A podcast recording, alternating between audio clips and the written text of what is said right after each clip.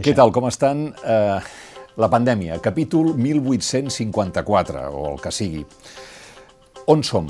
En volem parlar amb el doctor Manuel Cervantes, que és director de Malalties Infeccioses de l'Hospital Parc Taulí de Sabadell. Bé, vostès l'han vist, sens dubte, una miqueta en el, a la graella de, de facultatius i d'especialistes eh, que hem anat entrevistant a l'Ara i altres mitjans de comunicació durant tots aquests mesos. Però entenem que és un tipus d'entrevista que això ens ensenya o ens, ens ajuda a entendre on som i sobretot cap a on anem en relació a aquesta pandèmia que en aquests moments eh, presenta uns perfils una miqueta desconcertants, perquè la malaltia, la immensa majoria de la gent la passa d'una manera molt lleu, però en canvi està omplint els hospitals i això tensiona els sistemes i totes aquestes coses.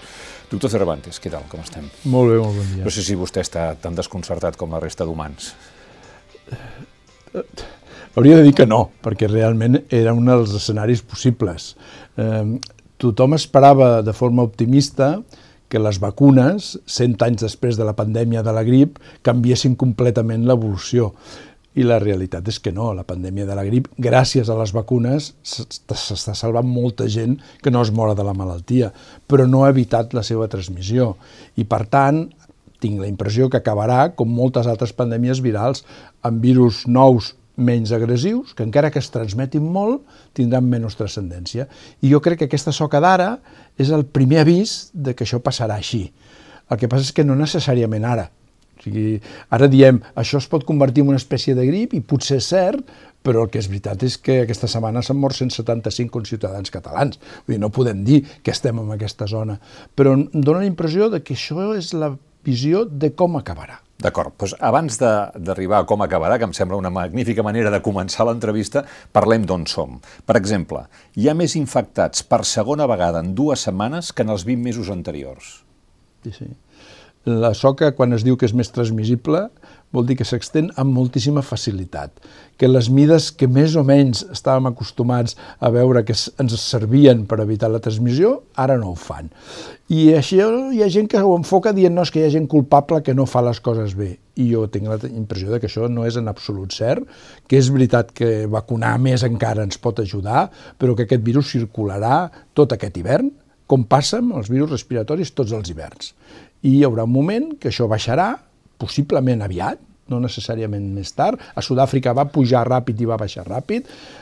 Diuen els anglesos que comencen a baixar, amb la barreja d'informació científica, política i mm. mediàtica, vet a saber, però hi ha sí. indicis de que sí, i si això comença a passar, doncs a nosaltres ens arribarà a les properes dies o setmanes. Val, aviam, sobre això, eh, estem sentint eh, les autoritats sanitàries, però també els especialistes en models matemàtics, que diuen que ja arribem al pic de la sisena onada. Però, en paral·lel, ahir l'OMS va dir que eh, d'aquí a dos mesos la meitat dels europeus ens haurem encomanat. Aleshores, encara no haurem arribat al pic, no?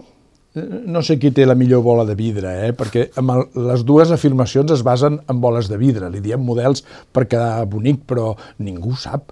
Semblava que clarament els països de l'est d'Europa havia baixat molt. I, de fet, Ucraïna ha sigut molt així. Eh? L'exemple ha sigut pujada i baixada i ja estan ara de reculada claríssima. Ja no estan ingressant els pacients als hospitals però a Alemanya, al Regne Unit, a França, a casa nostra, a Itàlia, que també ha fet una pujada aquests dies, encara estem a la part alta, però amb signes de que estem frenant. I això és una manera molt fàcil de dir-ho. Fins fa pocs dies, cada setmana doblàvem els casos. No era una mica més o més pic, no, no, el doble. I ara això, ara ja són 10 dies per doblar els casos. És, és possible que estiguem arribant. Això tampoc ens ha de tranquil·litzar del tot. El que a mi em dona una part de més tranquil·litat és veure que realment aquesta soca sí és menys agressiva. No tant com per dir que és un refredat encara, però no us penseu que la grip del 2017 o el 2018 va matar molt, molt menys que la que està matant ara, eh? Vull dir, vam tenir molts morts vol, per la grip cada hivern. Vol dir que la variant Omicron és més lleu que la grip del 2018? Que la onada nostra del 2018 a l'hivern. No vol dir tota la grip tota del 2018, grip, però, però hi ha alguns anys de l'onada de la grip que ha comportat la mort de moltíssima gent. I altres anys no, i no sabem molt bé per què. Les soques no. són diferents, la gent té immunitat acumulada, cosa que amb la Covid ja comença a passar, si hi ha un 30% de la gent que ja ha tingut contacte i un 80% que està vacunada, déu nhi la gent protegida que hi ha. Ja. Que, que l'Omicron hagi sigut més lleu que la Delta? Prefigura que la que vindrà després de l'Omicron serà més lleu encara? Uh, cada onada de, de nova variant es caracteritza perquè una variant es transmet molt més i substitueix a l'anterior. El virus no té cap avantatge en matar més. Biològicament, la gran avantatge del virus és, és estendre's, estendre's, estendre's molt. I si no matés, millor. Clar, clar, perquè, perquè encara si, si mates més. queda sense Això és el seu sentit biològic, no, no és que sigui bon i dolent un virus, no. és així. Aleshores és probable que cada mutació acumula un major risc de transmissibilitat i un menor risc de mortalitat. De mortalitat. Però l'atzar és molt, bueno, per tant, pot ser traïdor. Eh? Val, dir que... Per tant, això no, no ho sabem. Però el que sí sabem, per exemple, és eh, què tenen els hospitals. Ara vostè ve del Parc Taulí, m'imagino, no? -huh. de, de, de Sabadell. Sí, sí. Què hi té en aquests moments eh, d'ingressats? Gent amb Delta o gent amb Omicron? M'agrada que m'ho preguntis perquè ho acabem de contar aquest matí. Sí, nosaltres ens pensàvem, veient el que està passant en altres països i el que ha passat a Vall d'Hebron, que ho van comptar, que els malalts més greus encara són delta. Ara ja no ens ho pensem, ja ho sabem segur. Ni un sol malalt de pneumonia greu a la UCI d'aquest mes de gener i mig desembre té Omicron. Tots són delta. Els malalts més greus encara són de la variant anterior, que sabíem que tenia una gravetat important. Ara bé, tenim la meitat dels pacients ingressats a l'hospital en general que tenen Omicron i la meitat Delta, el qual vol dir que hi ha malalts que necessiten ingressar. Val. La a les UCIs, Delta. Zero. Zero Omicron. Zero Omicron. Zero Omicron.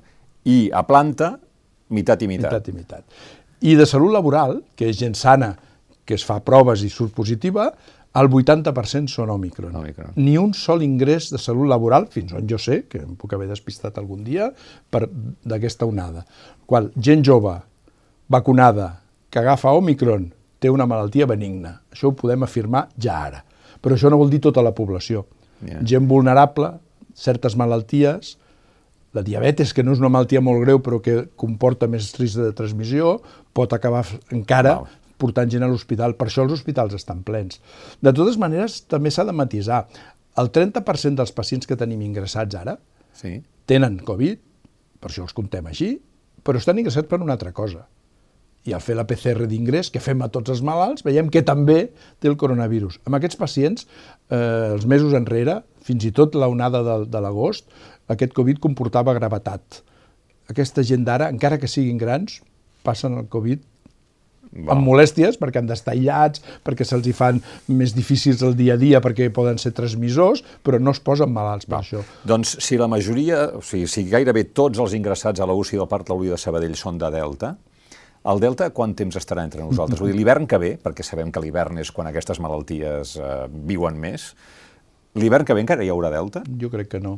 Jo crec que aquest virus completament substituirà a la Delta. Omicron substituirà Delta. No és exactament en pocs dies. Eh, eh, recordem que Omicron es detecta entre el 20 i el 25 de novembre.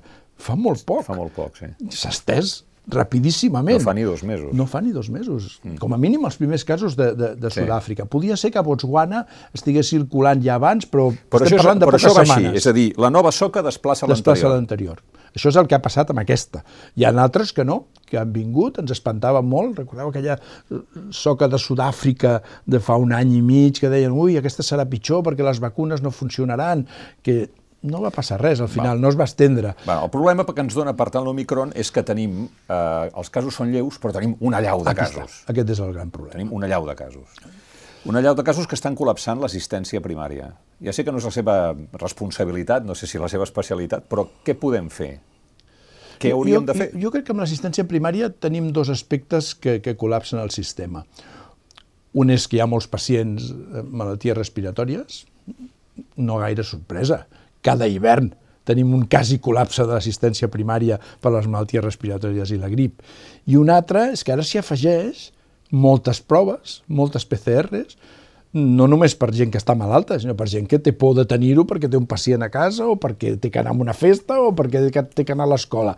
I, I està generant una sèrie de feina, fer proves, informar a la gent, de gent que no està malalta, que és possible que un dia d'aquests ens haurem de replantejar jo no dic ara, en el dia que tenim més casos que mai, no puc dir deixem de fer contactes i estudis, però és el que acabarem fent, perquè si no col·lapsarem a l'assistència sanitària d'una cosa que no és la seva feina principal, que és tractar la gent malalta. És evident que la prevenció és important, que seguir les malalties cròniques és important, però no ens ha de deixar de veure que el que més necessita la gent quan està malalta és tenir el seu metge, el seu metge que el coneix no anar a urgències de l'hospital que no el coneix ningú. I jo crec que col·lapsar l'assistència primària amb aquesta feina ens ho hem de fer mirar. Yeah. Ni les baixes laborals, ni fer les PCRs, ni fer test d'antígens ha de significar la càrrega de veritat del sistema sanitari. Però aleshores què fem? Uh, um, si estem asimptomàtics o no ens trobem gaire malament, que és la immensa majoria de la gent que té Omicron, anem a treballar? No podem anar a treballar, m'imagino. O, o fem com a Gran Bretanya, ahir ho deia el conseller Argimon a TV3, a Gran Bretanya les persones que són positives fan una declaració d'autoresponsabilitat i, i s'autoadjudiquen la baixa laboral. Vostè faria això? Ell ha proposat al conseller això i estic totalment d'acord.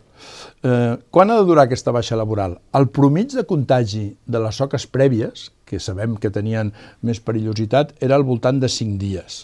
És molt probable que de la soca Omicron encara sigui menys, entre 3 i 5 dies. I jo, sincerament, en el futur, jo crec que per aquesta malaltia el que haurem de fer és, si tens febre, queda't a casa, i si no, vés amb cura. Com quan tenies un refredat. Igual però per, ningú fèiem això quan teníem un refredat. Tothom deia que ho havíem de fer, però tothom anava a treballar. No, però quan tenies un refredat anaves a treballar. Sí, sí. La grip ah, és una altra cosa. La grip amb febre jo, jo, i aquell, i aquell, i aquell els, cruiximent et quedaves a casa. El, el, els símptomes importants de molt mal de coll, com, com angines, com amigdalitis, sí. la, el, molt mal de cap, febre i molt va, mal d'ossos, ho hem de tractar com una grip va, de sempre. T'has de quedar a casa. Hem de fer a casa. Però Quants si dies? Com... Fins que et trobis millor. Val. I, el, I si és com un refredat? Vostè diu en el futur no demanaràs la baixa o no, no, no col·lapsis el sistema, vés a, hauràs d'anar a treballar. Jo crec que sí i que el que haurem de fer és no anar a veure els avis Val. mentre tens el refredat. I aquest... Però estem parlant del futur, eh? Vale, Ara, i... en aquest moment, hem de seguir fent el I que ens recomanen. Què entén, doctor Cervantes, per futur? Quan passi aquesta onada de l'hivern, a partir del febrer. Ui, però si al febrer encara no s'ha acabat l'hivern. A partir del febrer. A partir és la meva febrer, opinió. La seva, seva opinió, eh? La onada sí. no arribarà fins al juny aquesta onada ah, acabarà això són abans. bones notícies. És una opinió. Jo... No, no, ja ho entenc. A veure, però és una opinió basada en dades i en, jo, jo, i en especialitat. Jo crec que hem de recordar una mica que estem actuant d'una manera molt ben pensada per si venia un virus del tipus grip aviar. Eh? Tancar els esports, tancar les, les feines no essencials.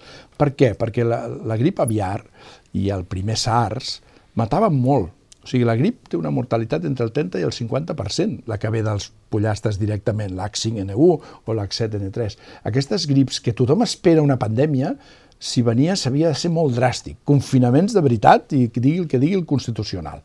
Ara bé, amb una malaltia que ha passat de tenir una mortalitat del voltant del 2% a tenir-la al voltant del 0,02, segurament ja no tocarà fer el mateix no vol dir que no importi i que hi hagi gent en perill. Per aquesta gent en més perill tindrem medicació i dosis de record de les vacunes. I per la resta de la gent, història, serà sí, història. Segons el seu punt de vista, per tant, no, en fi, jo no diria tant una opinió, sinó el, el seu punt de vista eh, fonamentat en el seu coneixement i en la seva especialitat, al febrer ja no hi hauria d'haver restriccions. Jo crec que no hauria d'haver responsabilitat individual en funció del risc, de quina necessitat tens de fer allò o no.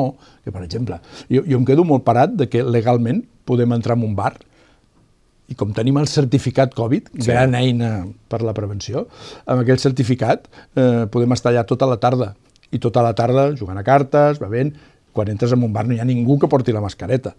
En un lloc tancat, amb molta gent, doncs, eh, m'és igual que hi hagi una norma o no. Jo aniré a fer un cafè, el bar de tota la vida, jo me'ls estimo molt i estaré bé, però m'estaré un quart d'hora i marxaré. Però si tens el, si el passaport Covid diu que tens les tres dosis, per exemple, no? la dosi de reforç o que estàs uh, correctament, eh, si ho agafes, ho agafaràs molt lleu, i si ho encomanes, ho encomanaràs també d'una manera més lleu? Una miqueta menys, però no, no, aquí ja no estem parlant de lleu o no, sinó que pots encomanar o no pots encomanar. La resposta és sí, pots encomanar. Pots encomanar. Menys dies. Els estudis diuen que els, que els vacunats... vacunats transmetran més, menys dies, però no zero. I, per tant, hi ha coses però, que haurem de seguir vigilant. Però, per tant, el passaport Covid té algun sentit?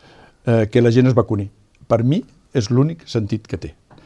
El que passa és que és prou bo, eh? Aquest, aquest... O sigui, moltíssim jovent s'ha vacunat perquè si no no podia no entrar, podia entrar al bar. al bar. Ja. I, I a les discoteques, que per cert, al cap de pocs dies a les discoteques tampoc t'ha pogut entrar ni amb passaport. Bueno, ara les han tancat. I pels viatges, o sigui, quasi simultàniament, amb 10 dies de diferència, el Regne Unit va prohibir que li entressin estrangers africans i Alemanya, Tailàndia, Vietnam van prohibir que els anglesos li entressin. És evident que aquestes fronteres no existeixen, ja ens hi posem posar com volem. Possiblement, el de fet és amb aquestes situacions de viatges, d'anar a visitar gent especialment vulnerable, tindrà sentit. Anar fent test d'antígens com la gran solució per la pandèmia, jo no ho he vist mai i segueixo sense veure-ho ara. Em Sembla... Això és el que li volia preguntar. Quin valor li dona el test d'antígens? El test d'antígens es va fer perquè a molts llocs la PCR és una prova que no hi arriba per problemes de pressupost, de sistemes sanitaris diferents, de països, i és una tècnica ràpida que es pot fer per part del professional sanitari o pel propi pacient, la pròpia persona, i per tant, per diagnosticar una malaltia on era difícil arribar amb el mètode objectiu que era la PCR, era una bona eina. Per descartar que tinc el coronavirus, no és una bona eina hi ha gent que diu, no, no, si te'l fessis cada dia, sí, bueno, o cada 3 hores, potser sí, però això és inviable. No, no, no és per confirmar plantejar. que el tens. És per confirmar que, que el, tens. tens. No és per descartar que no el tens. Redueix una miqueta la possibilitat, sí, però no descarta. Jo estic fart de veure pacients que arriben a urgències fumuts amb el test d'antigen negatiu i al cap d'un rato la PCR ja. és positiva. Per tant, per diagnosticar molt bé, per accelerar el diagnòstic, per no saturar els laboratoris de microbiologia, per descartar que és pel que el volem, a mi no només no em sembla bo, sinó que em sembla perillós. Perquè al meu voltant jo he vist, eh, per les festes de Nadal, com molta gent deia, no, no, jo feia un test d'antigen sí. i si surt negatiu ja està. I ja li era igual si tenia tos o tenia mocs o tenia febre, perquè ja tinc el test negatiu. Doncs això és pitjor, perquè llavors crees una falsa seguretat. Va. Jo no ho dic que no serveixin per res, però jo sincerament que el test d'antigen no els pagui la seguretat social o, o no es facin fàcilment a tot arreu no és un gran problema en la pandèmia. És una opinió personal. A Anglaterra han optat per fer-ho un tema capdalt, però no per diagnosticar o per decidir què fer, sinó per decidir quan acabar la quarantena quan acabar el, els dies d'aïllament. Llavors diuen, tu estigues a casa una setmana o cinc dies, els americans ja han dit cinc dies, si tens el coronavirus, i després fes un test d'antigen i si és negatiu... Val, almenys tens una una prova va, objectiva. Val, d'acord. D'acord, jo Molt aquí bé. estaria d'acord. Però no perquè estigui demostrat que això és útil, però com a mínim és un sentit comú gens perillós. Val. Um, Aleshores, anem-nos desplaçant cap allò que deia vostè sobre el final, no? el, això del mes de febrer, que potser ja no hi hauria restriccions, etc. Avui, la ministra de Sanitat es reuneix amb els consellers autonòmics per veure si eh, la Covid se la pot seguir amb un protocol semblant al de la grip comuna. I aquí apareix aquest neologisme de la gripalització, que sona fatal i que haig de dir-ho, posat en boca d'un responsable polític, en aquest cas de, de Pedro Sánchez, el president del govern espanyol, sona a, ah, tinc bones notícies, no s'amoïnin, mm. anirem molt bé, eh, però Pedro Sánchez va dir que es pot avaluar l'evolució de la malaltia en paràmetres diferents del que hem fet servir fins ara. Ahir el conseller Argimon deia que li semblava prematur parlar de gripalitzar eh, la Covid. Mm, però al mateix temps, si la Covid és Omicron i la Omicron és lleu, pues, no sé, ens infectem tots com amb el virus de la grip i no passa res. Si us plau, posi una mica de llum en la foscor, doctor Cervantes. A, a mi la paraula gripalització no m'agrada perquè té una connotació de treure la importància a, a la Covid i jo crec que això no ho hem de fer. Però té una part real. No podem seguir buscant cada cas asimptomàtic, tots els casos del país en un moment en què aquesta malaltia mati poc, perquè el que haurem de fer és dedicar els esforços al que realment cal, que és a la gent que ho necessita més, a la gent vulnerable, a la gent de risc, a la gent que s'hi emmalalteixi, que sempre n'hi haurà, això no desapareixerà. Aleshores, aquesta sensació de que si fem moltes proves ho tindrem tot controlat, és molt bo quan comença una pandèmia, per intentar tallar-la. Quan això no s'ha aconseguit, no li donem més voltes, no l'aturarem fent més proves i més aïllaments, i especialment fent proves als nens cada dia perquè estiguem tots més tranquils de que l'escola és un lloc segur. L'escola no és un lloc segur per agafar el coronavirus. És un lloc segur perquè d'aquests nens que agafin el coronavirus no els hi passarà res. I el que hem de fer és tenir els mestres ben vacunats i no tan preocupats, o, o sembla que preocupats perquè els nens a l'escola aniran malament. Aleshores, gripalització no, Però si aquesta onada es confirma que s'acaba l'estiu, com és previ... a l'hivern com és previsible, el Bueno, que s'haurà de fer... el mes que ve, eh? El mes que ve, que ara és el pic de l'hivern, si no m'equivoco. el- Sí, sí, no, no, està bé, està bé. Primera setmana de febrer Disculpi. ja toca estar... Si, si aquesta onada s'acaba el mes que ve, La següent és lògic que es vigili d'una altra forma. Per exemple, amb hospitals Sentinella, amb centres d'atenció primària Sentinella, que vol dir que no a tothom se li mira, sinó que tu vas mirant quina soca hi ha. Pues, en què agafis 50 persones de cada barri ja en tens prou. Quina soca és? Continua sent la que és Omicron, tranquils. Apareix una soca encara que sigui a la Xina. Atenció, vigilem, reforcem la vigilància, però no necessàriament fem proves a tothom, perquè aquesta cosa col·lapsa el sistema per si mateix. O sigui, si realment eh, tenen raó els de l'OMS i la meitat de la població europea agafa la Covid eh, d'aquí al març, no cal fer proves, ja ho sabrem, tothom que té tos i febre té Covid i ja està, donem-ho per sentat. val. Però no, no passarà, eh, perquè jo crec que això baixarà. Bueno, per tant, això de la gripalització, mirem... La paraula malament, perquè fa una constatació de que això ja no té importància. No, no, té importància perquè quan no la tingui per tothom, la seguirà tenint per una part de la població. Com n'hauríem de dir o com, com hauria de ser eh, aquesta nova fase? Eh, Vigilància... d'una malaltia endèmica. Jo crec que el dia que la OMS reconegui oficialment, després de pensar-s'ho molt bé, Que ja no estem en que pandèmia. ja no estem en pandèmia, serà estem en endèmia. Jo, l'OMS té coses bones, coses dolentes, es pot estar a favor o en contra, però té una cosa molt clara. És un organisme independent que no ha de guanyar les eleccions la setmana que ve en funció del que digui avui. I això, jo, jo, no, jo no desprecio la feina dels polítics, al revés. A vegades em crispa més mm, la sensació de seguretat absoluta de la ciència que no pas la incertesa del polític. Eh, És obvi que Pedro Sánchez ha de fer un discurs positiu i l'intentarà fer sempre agafant-se on pugui. És la seva feina, no ens hem d'estranyar. Jo, jo enyoro, de totes maneres, en els moments del canvi a Espanya de la transició, que un ministre d'Economia sortís al telediari que veia tothom, Sí. dient això està molt malament, ens ve una crisi brutal, procurin ajudar-se entre vostès perquè no, no hi haurà diner per res. Fuentes Quintana, senyor molt seriós. No va dir, ah, el que ve no és res, passarà de seguida, serà com una grip. No, no. Fem un ajustament. No. Va dir, el que ve és molt dolent, s'hauran d'ajudar entre vostès, les famílies, perquè ve molt malament. I va venir i va marxar aquella crisi. No, cada crisi posterior no he sentit aquest discurs Val. per cap. Val. Llavors, amb sanitat és igual. O sigui, un dia et Faci el discurs dient... vostè ara. Imagini's que és el Fuentes Quintana de la Sanitat el 2022. Vull dir, la, la, la cosa seria, si, per, per resumir tot el que ens ha dit fins ara, no sabem no sabem el 100% de com serà el futur, però sabem que el mes que ve té molts números d'acabar-se. Sí, sí. I a partir d'aquell moment s'aixecarien les restriccions. M'ho has posat difícil. Eh? I hasta aquí puedo ver. no, M'ho has posat molt difícil. Mira, jo, jo crec que el que sí podem dir, dir clarament és que és molt i molt probable que el pitjor ja hagi passat. Ara sí. Ara, sabem que no s'acabarà de cop. Ara sí, perquè l'Omicron ha sigut més lleu. Això és el que vostè li fa creure que ara en ja... part, el virus ha sigut menys agressiu i la gent està molt més protegida. Val. Entre un 20 i un 30% de la gent Bueno, ja, fins que ja deixi ho ha d'estar-ho, passat. perquè aleshores ens haurem... Què fem l'hivern que ve? Ens tornem a vacunar? la gent vulnerable s'haurà de vacunar l'any que ve. Com la grip.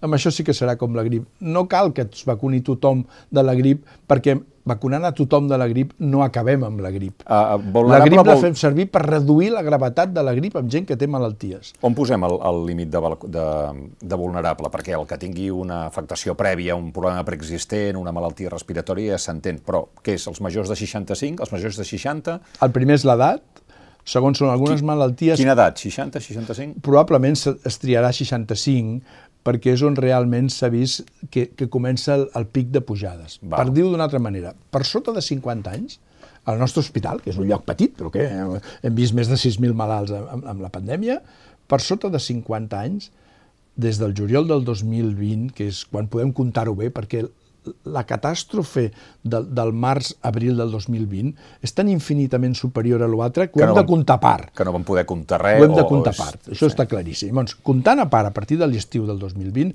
per sota de 50 anys se'ns han mort quatre pacients i dos d'ells perquè tenien una altra cosa greu. Val. O sigui que per sota de 50 Quanta- hi ha malalt que ingressa, hi ha gent a la UCI, però és una malaltia molt més benigna. Per tant, per sota I de de 50 50 a 60 es manté una mica de pujada, però tampoc és molta. Per a tant, els vulnerables, 65... a partir de 65 i la gent que tingui malalties preexistents, aquests sí que s'haurien de vacunar l'hivern que ve. I tractaments que baixen les defenses, que això sabem que n'hi ha molts, especialment medicaments per malalties reumàtiques, ja, no, no per gravar coses molt greus, eh? medicaments que sabem que poden allargar el temps d'exposició al virus. I molt probablement també els malalts que estan fent tractaments pel càncer, que no tenen directament incidència amb el coronavirus, però que si l'agafes és la puntilla. Llavors, els malalts amb quimioteràpia no és que siguin més propensos, és que si l'agafen estaran més greus. Però això es podrà seleccionar, es podrà fer ben feta una tria amb estudis que ja s'han fet de dir qui són les persones vulnerables i qui no. I al revés, a la gent que és molt poc vulnerable, tranquils, deixem estar, els nens no els caldrà que els hi fem res, ni vacunar, ni PCRs, ni res. Llavors jo diria que la bona notícia és aquesta, que el pitjor probablement ja ha passat, que per desgràcia no hi haurà una vacuna o un tractament que acabi amb la Covid, sinó que quedarà un virus que probablement s'assemblarà més al refredat que a la grip. Fins i tot pot ser més lleu, però això no és ara. Ara és un virus probablement entre 5 i 10 vegades menys greu, però no zero. I, per tant, hem de seguir vigilant. I amb una salut pública, a part de l'assistencial, que vigili això molt bé, perquè tot això que estic dient, si demà passat la soca de Xipre es demostra que torna a ser més agressiva, doncs ens ho hem de passar amb patates. L'atzar de l'evolució biològica no assegura que no pugui venir sí. una soca, però ho fa molt improbable. Ah, això és el que li anava a dir. Què fan els virus normalment? Això que m'ha dit abans, es, es van debilitant per no matar. Sí, però... el, el, el canvi genètic que els hi dona avantatge per, per transmetre's més, és no ser mortals. habitualment és menys agressiu, és, és menys mortal. És habitualment. Bueno, per tant, en aquest mentrestant, per tant, mans, distància i mascareta? Això sí. Jo crec que la, la mascareta en llocs tancats és imprescindible, encara que hi hagi gent que diu que al final no és tan alt el risc, però jo crec que no ens ho podem jugar. La mascareta a l'aire lliure, quan tens un contacte molt proper també, o sigui, nosaltres estem parlant a mig metre, 10 minuts, m'és igual que sigui l'aire lliure, aquella tos... I fonamentalment, que jo crec que ara ho tenim oblidat, però és la part fonamental de les barreres, és que el que està malalt no la transmeti als altres. Aquesta idea de jo porto la mascareta i ja estic protegit perquè jo porto una curassa, és, és, bueno, és una imaginació que ens fem. La realitat és que el que protegeix de veritat de la transmissió aèria és que el que el té no l'expulsi, no l'envia a l'aire, no l'envia a la persona que té davant. I per això és útil la mascareta. I en un moment donat es va dir, com la mascareta no se la posa ningú, la fem obligatòria per tothom. Bueno, doncs vale, no, no fa mal portar la mascareta. Jo no m'hi he posat, no m'hi he oposat en cap moment. Però clar, la mida última, que va ser que torni a ser obligatòria a l'aire lliure, em va semblar una bona mida, barata, per enfrontar-se a la pandèmia. Útil, jo crec que no. Yeah. Yeah. I la distància, sí, eh? la distància no estem parlant de metros, estem parlant de, de la distància habitual de transmissió de les secrecions respiratòries, que són 50-80 centímetres l'OMS diu, posem el doble, vinga, doncs posem el doble, però ja està, no, no hem d'estar a 3 metres. D'acord. I les mans netes? Sí, això ha anat una mica en, en desús, perquè la por que hi havia a que deixant el virus en una taula es transmetés sí, molt, sí. ha resultat que no és el així. famós virus de la Tots taula. els estudis que s'han fet així han demostrat que no. Bueno, a la barra del metro sí. Depèn o els, de... o els poms de segons quines portes. Mira, la, o... la, la transmissió per contacte és molt important entre virus respiratoris dels nens perquè els nens sí que s'estan tocant els mocs, ja. òbviament. Clar. Alguns adults també, però probablement menys. doncs jo crec que, en general, rentar-se les mans és una bona eina, és una bona mida, sempre que no ens posem uns guants i els portem tot el dia posats, que llavors és com si no ens rentéssim res. Ja. Uh, ha parlat amb malalts no vacunats que s'han encomanat greument? I han fet algun propòsit d'esmena o com ho veuen? Alguns sí i alguns no. Jo, jo crec que a vegades sobrevalorem el tema del negacionisme. Hi ha molta gent amb por a les vacunes perquè han sentit parlar de reaccions adverses o tal, i quan els expliques molt bé s'ho repensen, i alguns accepten vacunar-se i altres no. I després hi ha un grup petit que defensen que la Terra és plana, en un altre àmbit, però és el mateix. Les vacunes són un invent, són magnètiques, com si ho fossin. A mi què més em dona que siguin magnètiques? Òbviament no ho són, no ho són, no ho són però tampoc són tan perilloses. El que no podem dir és no té cap efecte secundari, perquè això és mentida. totes les activitats sanitàries tenen efectes secundaris, totes, des de la pastilla del colesterol i tal. Jo he tingut pacients que m'han vingut a demanar la seva vacuna per una altra malaltia, perquè han de fer un viatge, pel que sigui, i que en canvi la de la Covid no. Dic, escolta, a veure, la malaltia que més es tracta tant en vacunes als viatgers és la febre groga. La febre sí, groga en alguns sí. països és obligatòria i, per tant, si vols anar, te l'has de posar. La vacuna de la febre groga és molt més perillosa que la vacuna de la Covid i no he vist a ningú dient que no se la vol posar i els informem, eh? els diem, escolti, aquesta vacuna, si fa una reacció de febre... Les farmacèutiques guanyen molts diners amb la vacuna de la febre groga. Ja. Clar, les farmacèutiques a vegades no ajuden, eh? perquè jo, quan es va començar a parlar de la tercera dosi, que hagués sortit un estudi que demostrés que baixava el tal, jo ho hagués acceptat. Que surti el CEO de la companyia que ven més vacunes dient farà falta 3 o 4, dic, bueno, o 10 pel teu benefici. O sigui, hi ha un moment ja, sí, sí. que sí que es barregen aquestes coses, però una cosa no treu l'altra. Ha fet falta una tercera dosi perquè ha sortit una soca nova que és molt benigna, tot el que vulguem, però resulta que s'escapa una mica de les vacunes. Llavors hem hagut de posar una tercera dosi. Jo l'hagués posat a la gent vulnerable, com dèiem abans, però bueno, s'ha decidit posar-la a tothom a poc a poc, doncs endavant, tampoc estem fent mal. No sé si m'he deixat alguna cosa que vostè vulgui dir, doctor Cervantes. Aniré en contra del que he dit fins ara, però hem de seguir sent humils. O sigui, d'això, ens agradi o no, estem aprenent dia a dia. Jo m'he dedicat a virus molts anys i he après a dècades, el que sé ara de la sida no té res a veure amb el que sabia fa 10 anys i vam trigar quasi 20 anys a tenir un tractament efectiu.